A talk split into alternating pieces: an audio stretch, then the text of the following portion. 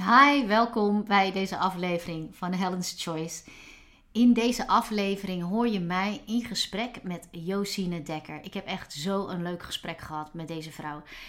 Um, ik ken Josine nog helemaal niet zo lang. We hebben elkaar ontmoet uh, bij Stichting Jarige Job in uh, Rotterdam. Daar waren we met een groep uh, ondernemers en zij begeleiden die avond. Want wij gingen als vrijwilliger um, nou, eigenlijk pakketten, pakketjes maken voor uh, jarige kinderen die, uh, nou ja, die eigenlijk hun verjaardag uh, niet kunnen vieren. Zoals heel veel andere kinderen dat in Nederland wel kunnen doen.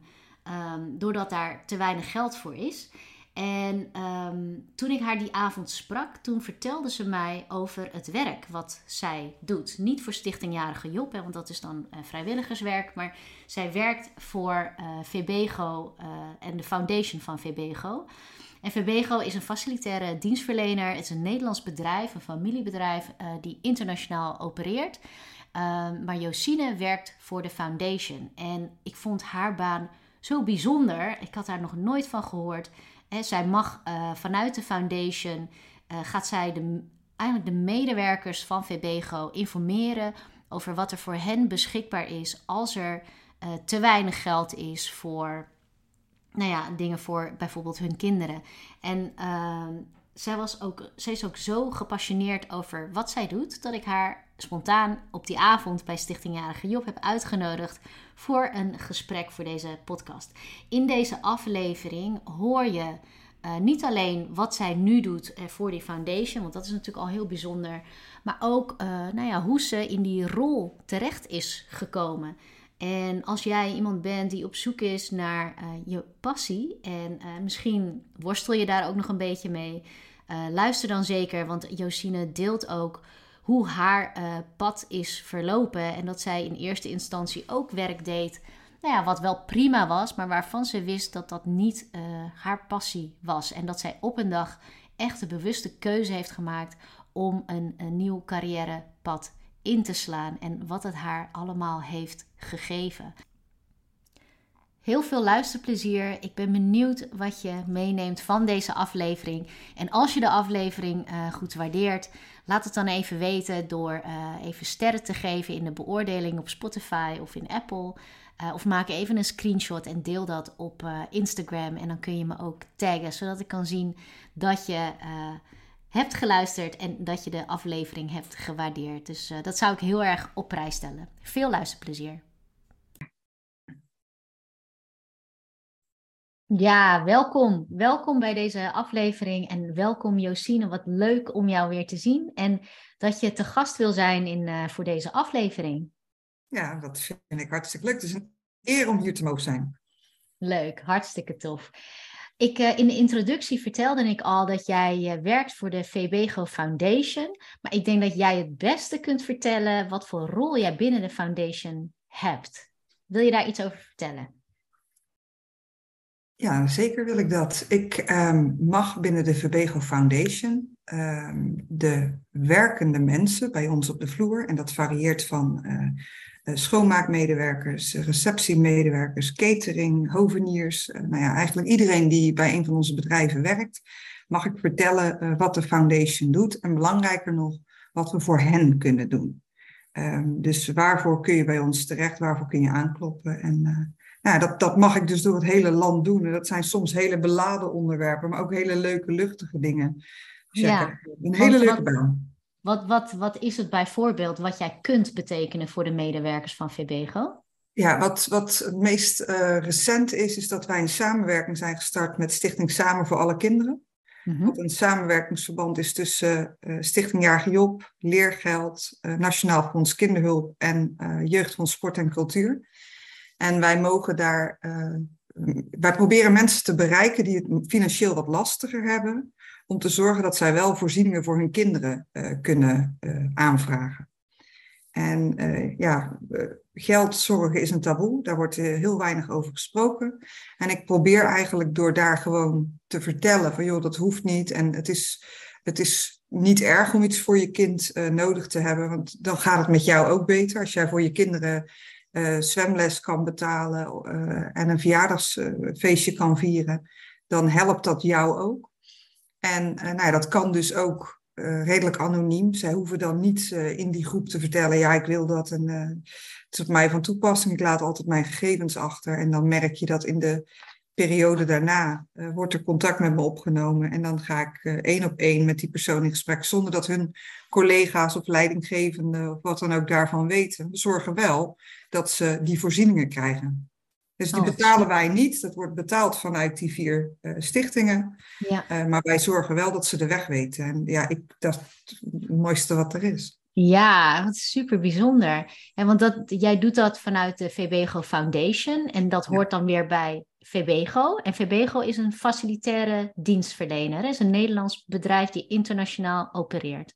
Ja, wij zijn actief in vier landen. Ja. inderdaad uh, Limburgse, dus Nederlandse origine hebben. Ja, dus even voor, de, voor het beeld van de luisteraar. Dus uh, eigenlijk FVBGO die uh, heeft allerlei facilitaire diensten. Dus jullie hebben bijvoorbeeld onder andere heel veel medewerkers die in de schoonmaak zitten bijvoorbeeld. En jij kunt die medewerkers en de andere collega's van VBGO dus eigenlijk aanbieden om extra ondersteuning aan te vragen als zij eigenlijk door, door armoede nou, bepaalde dingen niet kunnen doen met of voor hun kinderen. Ja, uh, dat klopt. En armoede vind ik een heel naar woord. En dan denken mensen gelijk aan schulden en aan uh, nou ja, het zelf niet kunnen. Mhm. Maar uh, iedereen heeft wel eens, zeker nu in de huidige tijd, dat een maand net te lang is voor het salaris.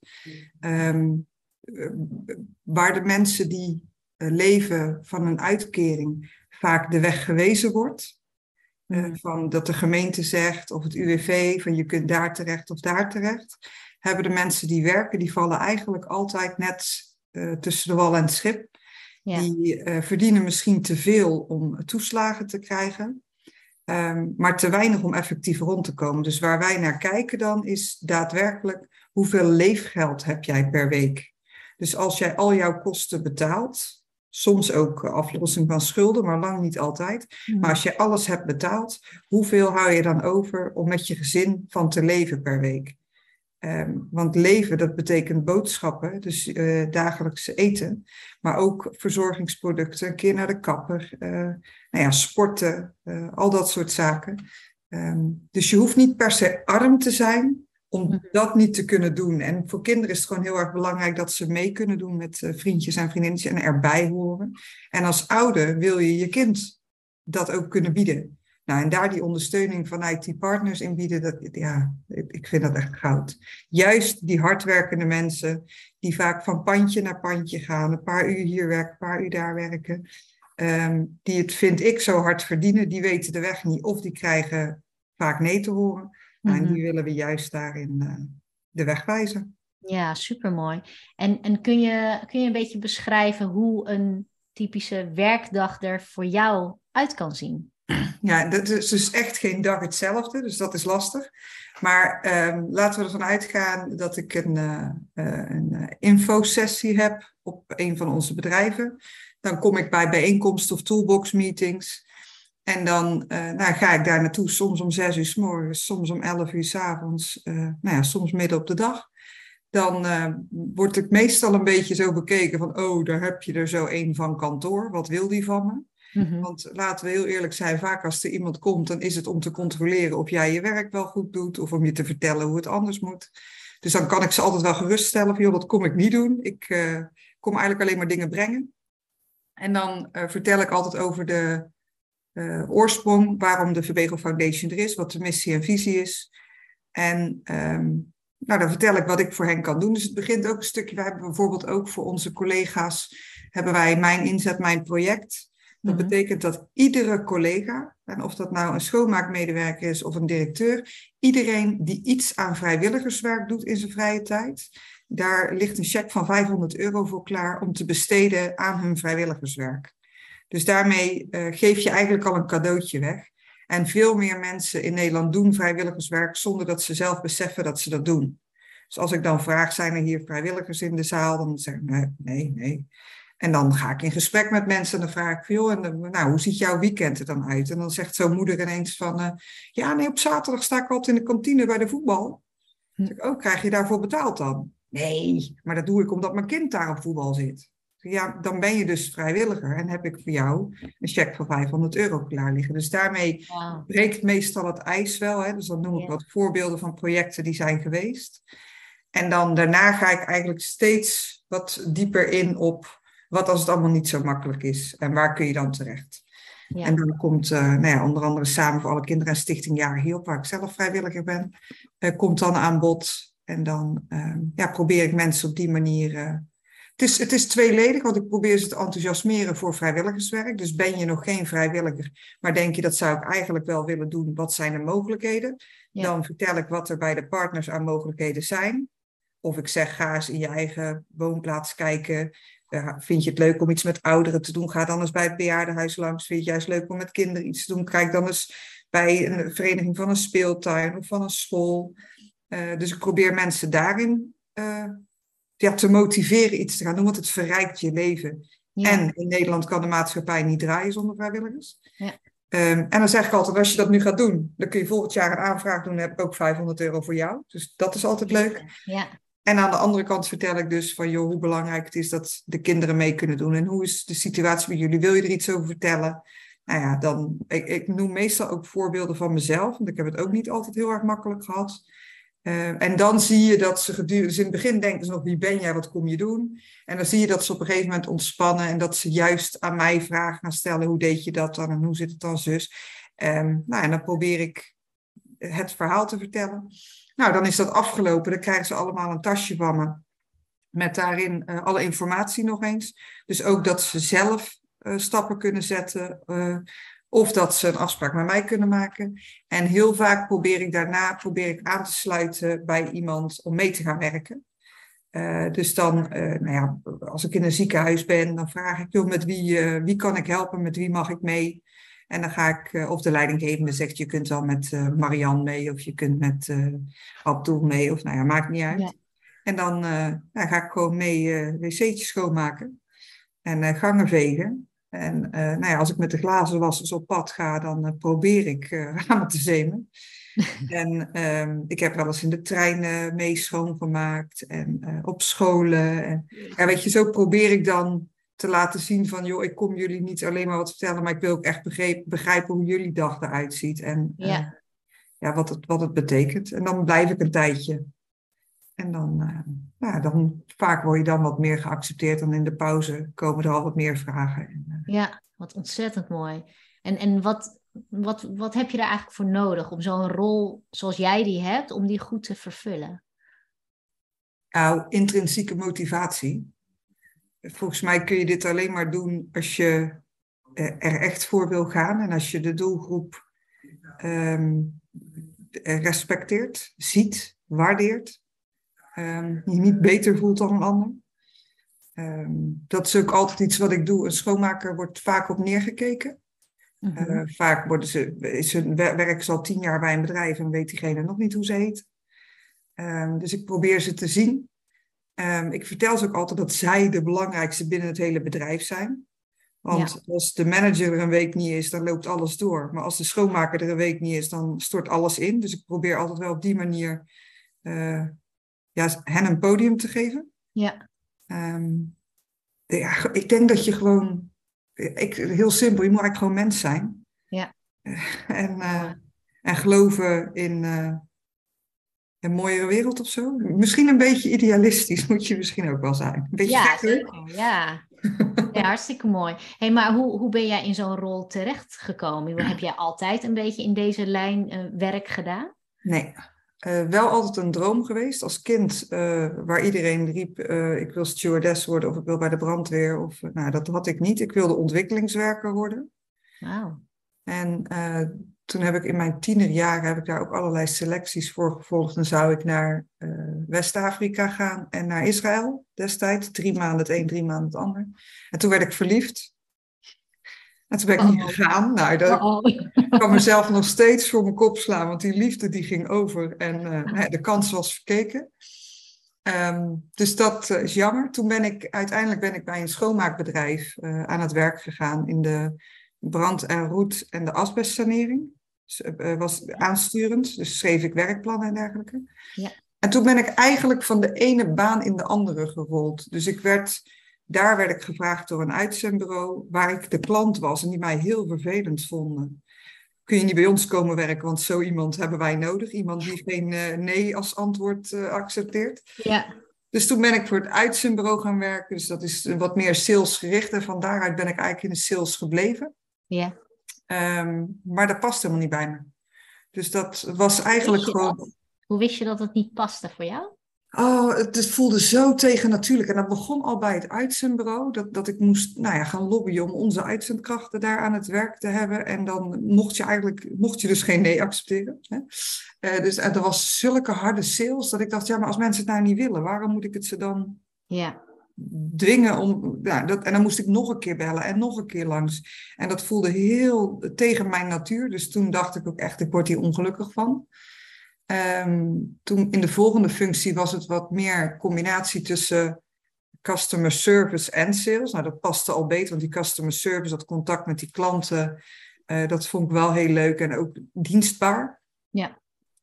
Um, en daarna ben ik alleen maar customer relations gaan doen. Nou, en daar was al wat meer dat ik dacht, ja, dit klopt. Weet je, gewoon met mensen praten, mensen iets vertellen. Uh, uh, en dat was op een vliegschool, een pilotenopleiding. Oh, wow. Uh, het was een ontzettend leuke baan. Um, alleen hield hij op te bestaan, voor mij althans.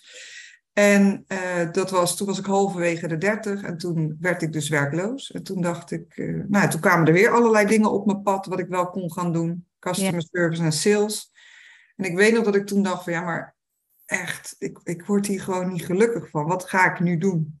En wanneer was ik nou in mijn werk echt gelukkig? En toen ging ik terug naar het schoonmaakbedrijf waar ik ooit begonnen was. En toen dacht ik, ik wil terug schoonmaakland in. Omdat je daar, die diversiteit daar, dat is uh, diversiteit aan mensen. En uh, het daadwerkelijke um, werken, het, het, het, dat was wat mij het meest aantrok. En toen ben ik gewoon schoonmaak, ben ik vacatures in schoonmaakland gaan zoeken. Toen vond ik een vacature als objectleider binnen Stoffels Blijmerk. Dat is een van de Verbego-bedrijven. Ja. En uh, daar heb ik gesolliciteerd. En toen werd ik wel uitgenodigd, maar er werd gelijk eigenlijk gezegd van ja, eigenlijk een beetje overgekwalificeerd voor deze functie. En ik echt zoiets maar hoezo dan?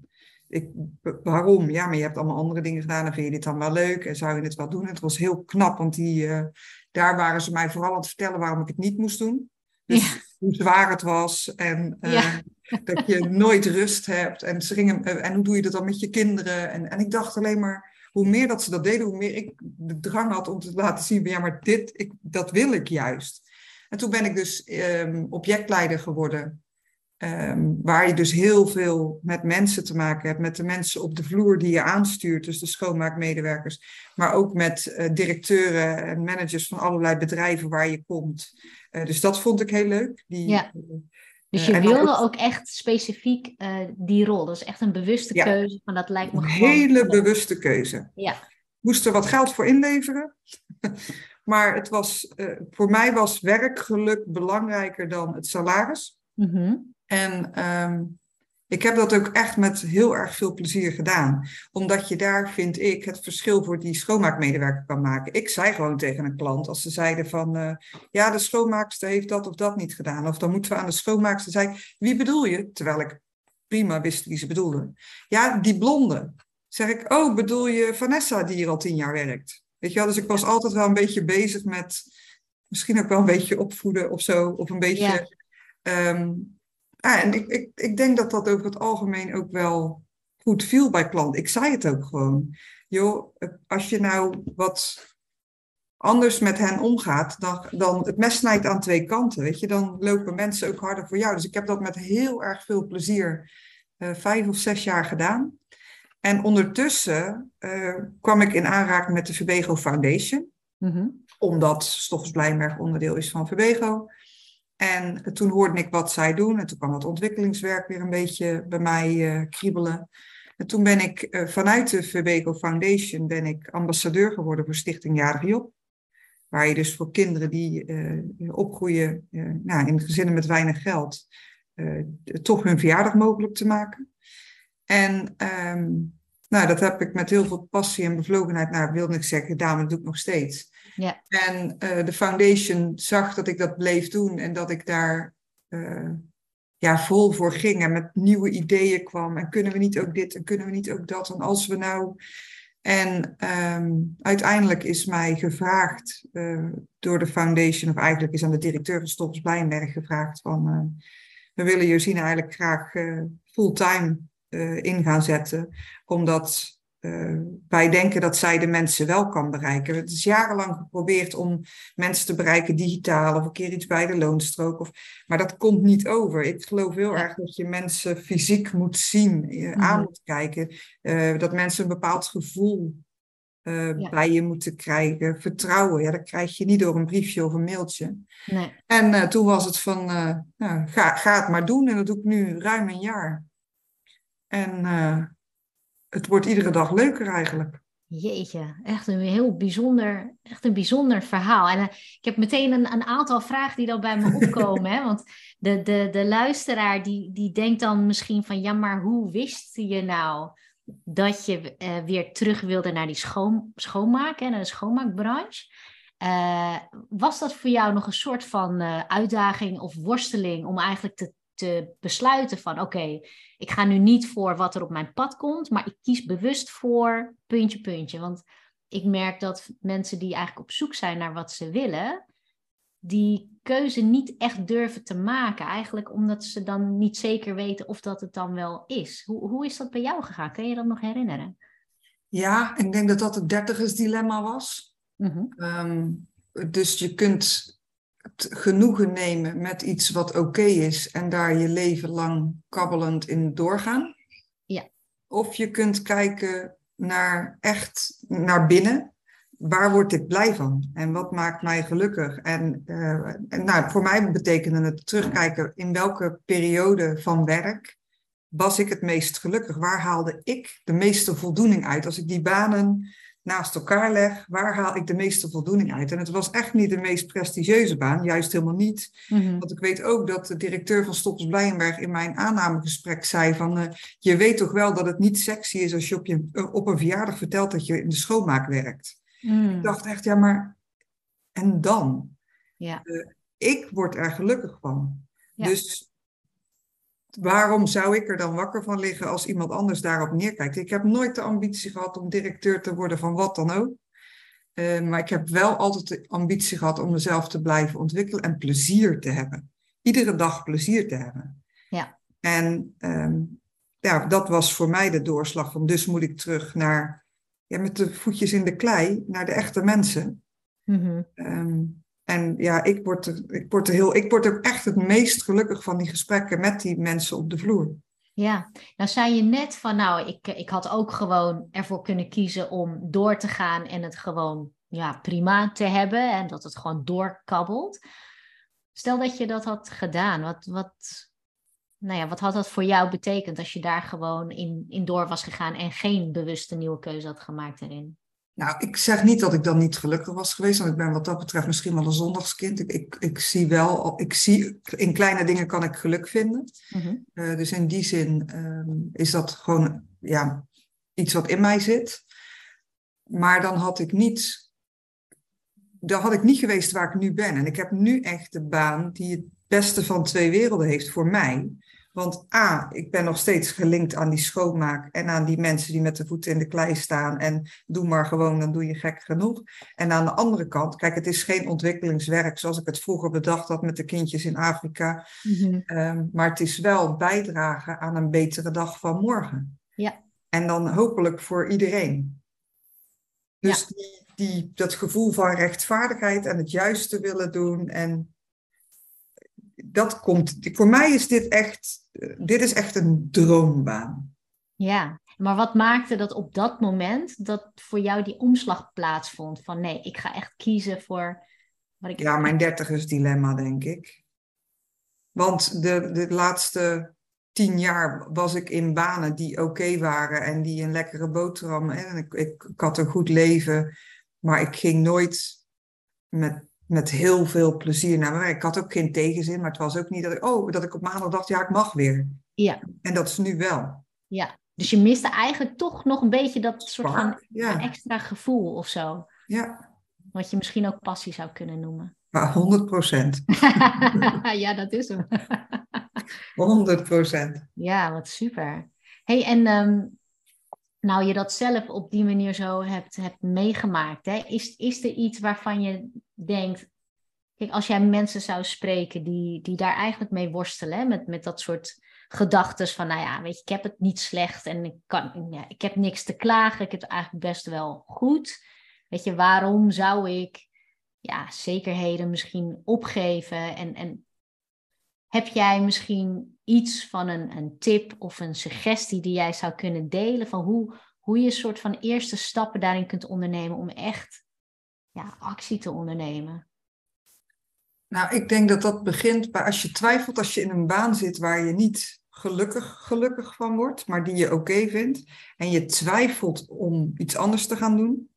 Ehm, ik zou zeggen, ga altijd vacatures kijken en ga altijd solliciteren. Daarmee zeg je nog niks op, maar kun je wel proeven van. En kun je, uh, nou ja, dan ga je ook heel zelfverzekerd naar een sollicitatiegesprek toe. Want je hebt, je hebt het oké en je bent tevreden. Maar je gaat daar kritisch kijken, zou dit beter bij me passen? Dus je, het is niet die wanhoop van ik moet een baan. Ja. Maar het is echt de luxe positie van kan ik meer uit het leven halen? En ik, ik ben wel echt ook een persoon, waarom zou ik in het leven met wat dan ook, hè? of dat nou relaties zijn, of werken, of vriendschappen, of sporten, of wat dan ook. Waarom zou je genoegen nemen met wel oké? Ja. Als er meer is dan wel oké. Ja. Dus dat zou ik denk ik meegeven aan mensen. Van, joh, wat, en, en, wat, en bedenken, wat is het ergste wat er kan gebeuren? Ja, ik, wat ik heel vaak uh, krijg als uh, antwoord op dat soort vragen wat ik dan stel, is uh, dat ze hun zekerheid kwijtraken. Dat ze nu misschien een goede werkgever hebben en dat straks niet treffen. Of een goed inkomen, maar als ik iets vind wat ik leuk vind, dan kan ik daar niet zoveel geld of niet genoeg geld mee verdienen. Dat zijn een beetje de, de angsten of de onzekerheden waar mensen wel eens tegenaan lopen. Ja, niet zoveel geld of niet genoeg geld, dat zijn natuurlijk twee uitersten. Uh, niet zoveel geld, ja, dat zou voor mij niet tellen. Mhm. Niet genoeg geld wel, want je, je mag natuurlijk, er mogen geen extra problemen ontstaan doordat je die keuze maakt. Dus er moet wel een bepaalde stabiliteit zijn. Um, maar ik, ben, ik geloof niet dat geld gelukkig maakt. Mm Ik geloof dat je in die zin tevreden moet zijn als je het goed hebt. uh, en dan niet per se ik hoef geen miljonair te worden. Ik bedoel, dat, die ambitie heb ik niet. Als ik maar gewoon een fijn leven heb. Ehm, en de zekerheid, die heb je nooit. Waar je vroeger een baan had, je ging werken bij je eerste werkgever en dan ging je ook weer met pensioen, want dat was zo. Dat is niet meer. En nou ja, dan maak je de keuze om ergens anders te gaan werken. En dan blijkt het na een half jaar de verkeerde keuze te zijn. Ja, dan ga je door. Ja. Dus het is die angst, ja, die vind ik ongegrond. Ja. Dus vooral in jezelf geloven en uh, ja, net zoals in relatie, er is op ieder potje past een dekseltje. Dat is met werk ook. Ja. En vaak zijn er ook in, in, in bedrijven, is er heel veel tegenwoordig, steeds meer ruimte om ook je eigen inbreng te geven. Dus je eigen sausje over een baan heen te gieten. Um, ik heb het bij Stoffels Blijenberg ook niet precies hetzelfde gedaan als mijn collega-objectleiders.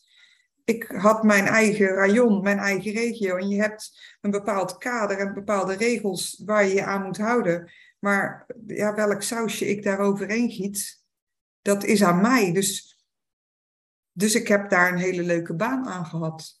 Ja, omdat je die vrijheid had, die flexibiliteit eigenlijk. Om daar ja, en dat is steeds meer binnen. Kijk, vroeger was het allemaal heel afgekaderd en en natuurlijk zijn er nog steeds banen waar dat zo is, want als hartchirurg eh, bij een open hart ja. operatie lijkt het me niet verstandig dat je. Dan is het diploma wel handig en de ervaring. Ja, en ook dat eigen sausje is misschien niet zo handig. Dus, maar in heel veel beroepen is er steeds meer vrijheid en is steeds meer input ook gewenst. Van hoe zie jij dit en hoe zou jij dat doen? En dus ja, ik denk altijd, wat is het ergste wat er kan gebeuren? Ja, nou, dat lijkt me een hele mooie tip, inderdaad. Hey, en wat ik ook heel vaak zie, en mensen die dan uh, hun passie hebben ontdekt en die doen dan helemaal wat ze, wat ze geweldig vinden, is dat ze ehm, daarin ook veel meer ontdekken over zichzelf. Over wat ze eigenlijk nog veel meer in huis hebben dan toen ze nog dat werk deden wat ze misschien tig jaar hebben gedaan. En waarbij je op een gegeven moment denkt dat dat het enige is wat je, wat je zo'n beetje kan. En, en alleen maar dingen in diezelfde lijn kunt voortzetten. Terwijl als je iets anders bent gaan doen, dan denk je van hé, hey, maar ik ben eigenlijk wel goed in, nou ja, puntje, puntje. Heb jij dat ook zo ondervonden? Ja, ik heb altijd geroepen, ik kan eigenlijk helemaal niks. En dat klinkt heel onzeker en uh, dat ben ik niet.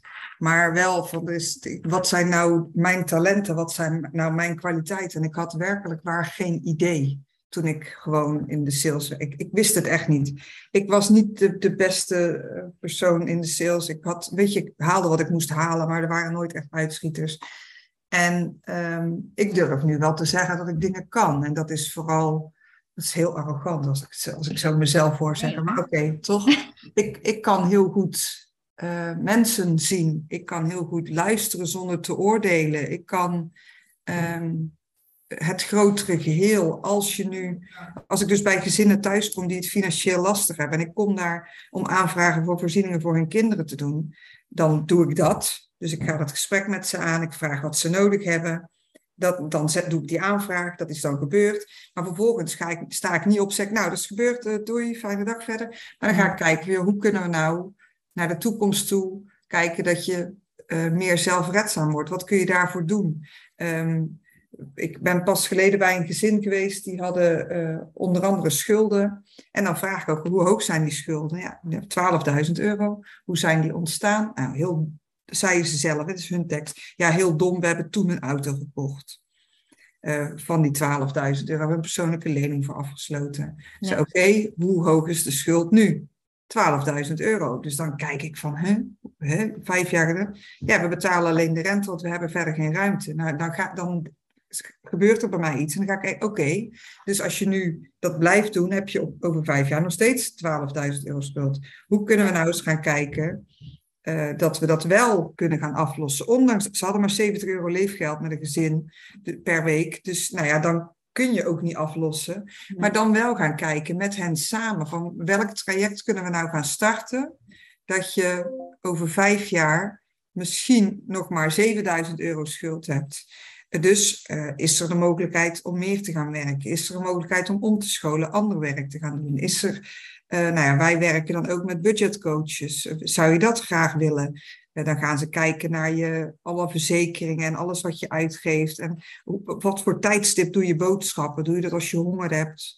Of doe je dat als je net gegeten hebt? Doe je dat één keer in de week? Doe je dat iedere dag? Om dan mensen zelf dus niks over te nemen. Hè? Dus we gaan geen schulden overnemen, maar wel mensen zelf de regie te laten houden, maar hen op een andere manier ernaar laten kijken. Ja. Um, nou, en dan zit ik daar soms echt 2,5 uur aan zo'n keukentafel. En dan ga ik weg en dan denk ik, ja, weet je, het gaat nu, er gaat nu wel iets veranderen. Um, omdat mensen het niet zien, je hebt geldzorgen, dus je, eigenlijk je brein werkt dan ook niet meer volledig, omdat je dus eigenlijk alleen maar uh, aan, aan de paniek denkt van hoe zorg ik dat wij als gezin iedere dag eten hebben. Mm. Um, dus, dus dat werkt allemaal minder. En als dan iemand gewoon rustig tegen je zegt van... hé, hey, maar heb je hier wel eens aan gedacht? Of hé, hey, is dat niet een oplossing? En je kan dan daar zelf uitkomen. En zelf dat traject starten. Ja, dan, uh, dan ben je trots op jezelf, hè, dat je het zelf doet. Ja. En dan lost het uiteindelijk ook op. En dat is echt niet van vandaag op morgen. En dat vergt natuurlijk ook heel veel van mensen. Mm -hmm. Maar het, het, kan wel net... Uh, een stapje in de juiste richting zijn. Ja, en is het dan dat jij, uh, uh, is het zeg maar nieuw dat je daarin ontdekte dat jij goed connectie kon maken met andere mensen? Of is dat iets wat je eigenlijk altijd wel wist, maar nooit echt hebt erkend als een kracht die je hebt? Ja, dat is voor mij is dat nieuwe informatie. Het gekke is dat als je naar mijn omgeving kijkt, dat die zeggen, huh? maar dat heb jij toch gewoon. Alleen ik heb dat zelf nooit zo gezien. Uh, Waarom dus heb jij dat wel... zelf nooit zo gezien? Hoe, hoe kun je daar overheen kijken als het voor iedereen zo, zo duidelijk is? ja, ik, dat, dat, dan komt mijn minderwaardigheidscomplex naar boven, denk ik. ik. Ik dacht altijd vroeger dat ik heel onaardig was. En dat ik uh, ik weet helemaal niet waar dat vandaan komt hoor. Ik heb, nee, de luisteraars kunnen dat niet zien, maar ik heb rood haar. En ik, ik was ook misschien wel altijd een beetje bitchy of zo, een beetje voorzichtig. Uh, dus ik was dat rode monster of die rode heks of die. En dat is dan ooit waarschijnlijk tegen me gezegd. Nou ja, dan kennelijk ga je dat dan geloven. Um, terwijl dat is helemaal niet. Ik, ik ben eigenlijk heel aardig. En, en, ja. en de, maar dat is wel het beeld wat ik van mezelf had. Dat ik altijd dacht dat, dat iedereen dacht dat ik een bitch was, dus was ik een bitch. Terwijl als ik dat nu vraag, want ik vraag dus ook wel eens, dat zijn dingen die de afgelopen jaren eigenlijk ontstaan zijn, dat ik aan mensen vraag, maar hoe kwam ik eigenlijk in het begin op jou over? En eigenlijk kan ik diezelfde vraag aan jou stellen. Want jij kende mij niet, jij kwam hier, ik ben dan het baasje hier, hè, want ik ga wel even regelen hoe het allemaal moet. Ehm, en dan doe ik dus de aanname, dan zul jij mij wel een bitch vinden, want ik zeg hoe het moet gebeuren heb ik echt geen fractie van een seconde gedacht. Ik dacht, wat een leuk mens. Zij heeft echt veel passie voor de werk. Dat is wat ik dacht. Dankjewel. Maar zo zie je dus dat je, dat je blik op jezelf, uh, beïnvloed door dingen uit het verleden, ja. wel heel lang met je mee kan dragen. Ja, ja, ja. Maar daar ben je natuurlijk niet de enige in. Ik denk dat we allemaal uh, zo onze dingen hebben. Maar wat, wat heeft dat voor gevolgen gehad voor wat je wel of niet deed? Of voor de keuzes die je maakte? Nou, ik had uh, tien jaar geleden niet gedurfd wat ik nu durf. Uh, dus ik had altijd wel gedacht van ik wil die persoon helpen. Um, maar dan dacht ik tegelijkertijd, maar die zit echt niet op mij te wachten, dus deed ik het niet. Ja. En nu denk ik, ik, ik loop ook echt op mensen af. Uh, is er iets wat ik voor je kan doen? En dat doe ik ook, dat doe ik ook buiten mijn werk. Dus dat doe ik ook gewoon ja, letterlijk buiten. Ja. Als je ik maakt makkelijker contact eigenlijk. Ja, als ik zie dat iemand struggelt, al is het met boodschap in de auto laden en een kind op de arm. En weet je, het maakt niet uit welke situatie. Maar dan zou ik vroeger gedacht hebben van, oh, maar ik zal er maar niet naartoe gaan, want dan denken ze dat ik iets van ze wil. Of ze, ja. Dat was dan toch een onzekerheid. En nu ja, zou ik er direct op afgaan. Ja. Um, en die boodschap uit die handen nemen om die auto te vullen en vragen. En dan vervolgens vragen, kan ik nog iets voor je doen? Ja, die, wow nou, en als je dan een keer iemand treft die wel echt vervelend is en, en gaat snauwen omdat je wil helpen, dan denk je, oké, ja. Eh, sorry, ik wil alleen helpen, fijne dag verder. Uh, dus ik denk dat ik zachter ben geworden, vriendelijker. Mm Of nee, dat? Ik ben daar niet geworden, ik denk dat ik het meer toelaat. Ja, maar is dat, is dat door het werk wat je nu doet, of, of is dat eerder al ingezet? Wat is de aanleiding geweest? Nee, dat is als, denk ik als leidinggevende binnen schoonmaakland... Ehm, tot uiting gekomen. Ik had met de meeste van de medewerkers die in mijn team zaten uh, een hele goede band. Um, en dat is denk ik, dus door hen heb ik denk ik die bevestiging gekregen dat ik eigenlijk best wel oké ben. Ook al ben ik, want dan was ik natuurlijk wel de baas. Ja. Um, maar ik ben geen, ja, ik ben geen baas. Ik, ik wil altijd dingen samen doen en ik wil niet. Um, anderen voor mijn karretje spannen. En dat, maar, maar ja, weet je, je hebt wel een bepaalde functie waarin er verwachtingen. Dus dat, die struggle die ik daarin voelde, ik denk dat die me uiteindelijk juist geholpen heeft om. Ik probeer me heel dienstbaar op te stellen naar iedereen om me heen, zonder mezelf weg te cijferen. Want ook ik mag er gewoon zijn. En uh, nou, denk ik, ik denk dat dat me juist geholpen heeft. Ja, is het ook dat omdat jij vooral door het dienstbare gedreven wordt, dat je daardoor ook meer ja, zachter bent geworden en ruimte laat om gewoon ja, je te ontwikkelen nou, zoals je je hebt ontwikkeld? Denk Is dat vooral omdat je door het dienstbare wordt gedreven? Nou, omdat, um, en er is een stichting in Nederland, Stichting Anders heten zij, en hun slogan is, want geven maakt rijk. En bij mij, um, ik merk ook dat dat echt zo is. En dan natuurlijk uiteraard niet in geld. Maar ik merk gewoon dat als ik iets voor een ander doe, of iemand help.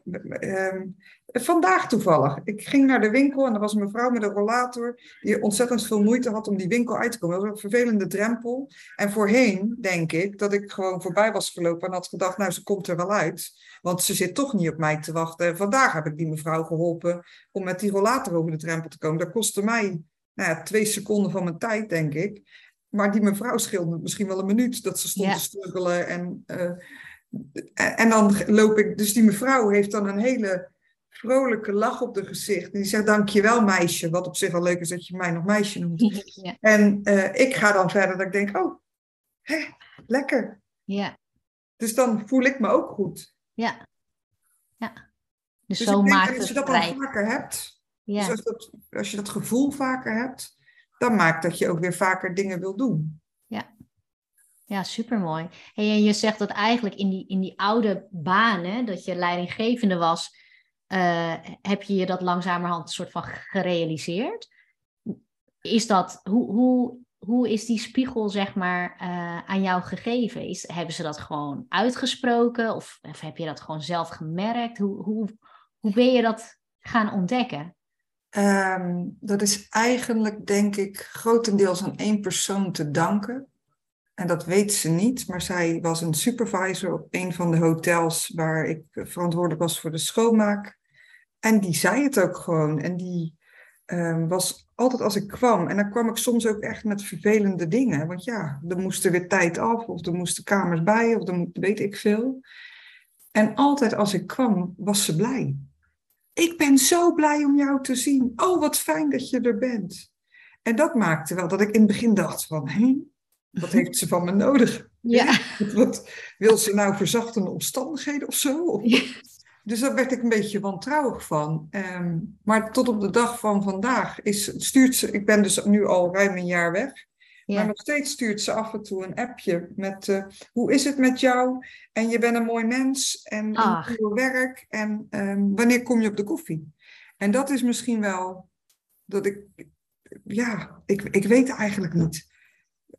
Gewoon de warmte die ik van anderen gekregen heb. En van haar in het bijzonder. Want nee, dat, dat, die heeft echt een plekje in mijn hart veroverd. Mhm. Terwijl we ook wel eens botsten. En, uh, maar ook dat dat kon.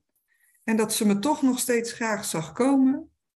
Um, en waardeerde wat ik deed. Net zoals ik haar overigens enorm waardeer.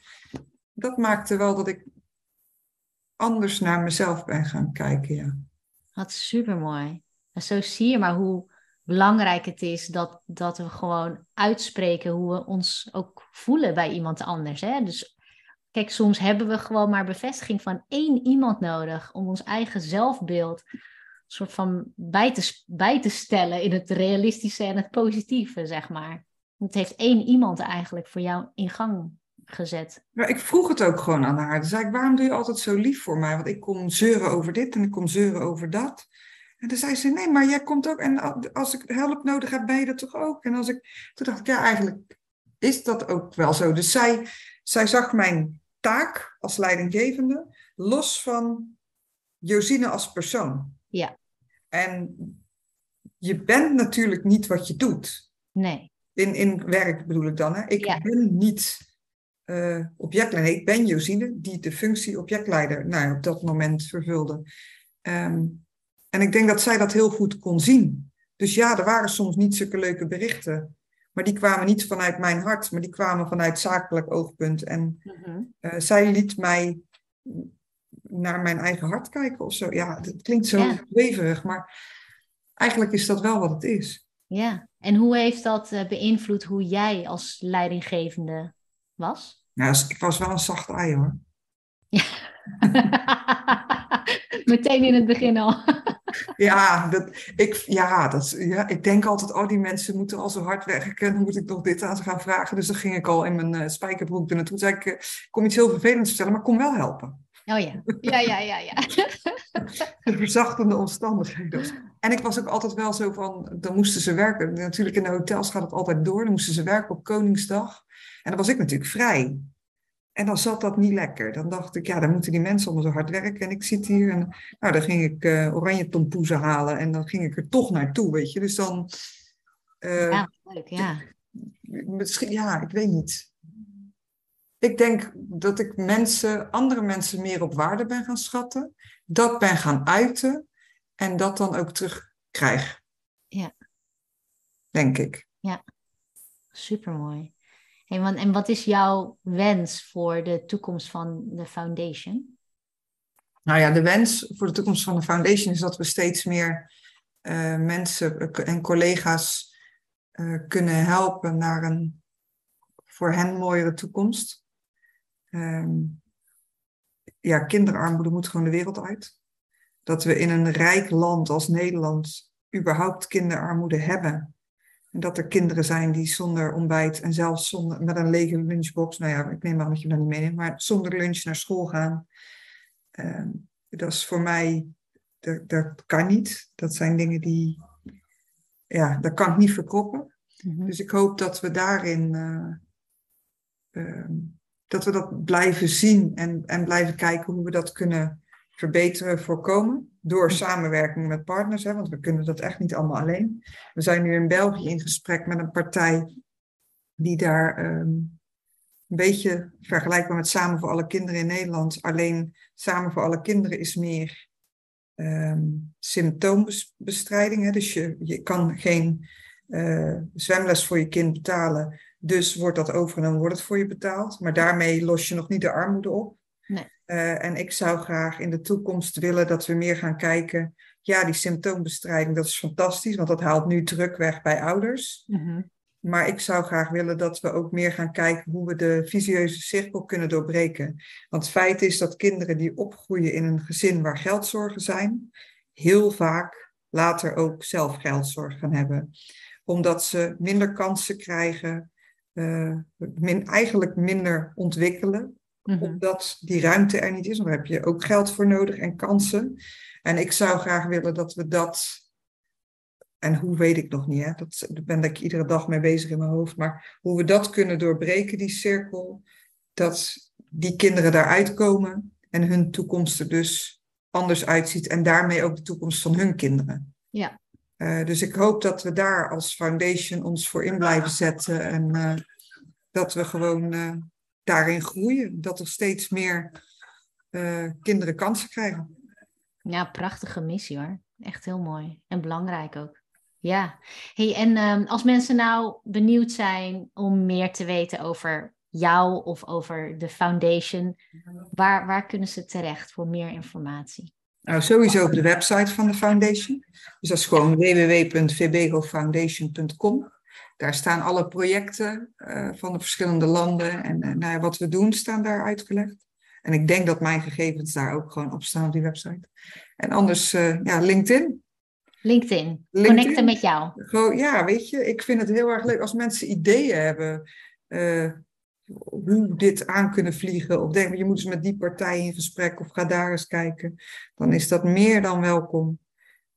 en ook gewoon, ja, om met elkaar van gedachten te wisselen. Hartstikke mooi. Dankjewel, uh, Josine. Is er nog een laatste iets wat jij wil meegeven aan, uh, aan de luisteraar die dit zo gehoord heeft? Jouw verhaal over hoe jij je passie hebt ontdekt en hoe jij nu uh, vol enthousiasme werkt aan de missie die je met de foundation hebt? Ja, blijf altijd naar je hart luisteren. want dat is volgens mij de enige juiste juiste route om je leven te leven. En of dat nou in werk is of privé. Volg je hart en geloof in jezelf. Nou, lijkt me echt een super mooie afsluiting. Super bedankt, Josine. Echt ja, jij een... heel erg bedankt voor de uitnodiging. Ik vond het echt fantastisch. Dankjewel. En beste luisteraar, dankjewel voor het luisteren en tot de volgende keer.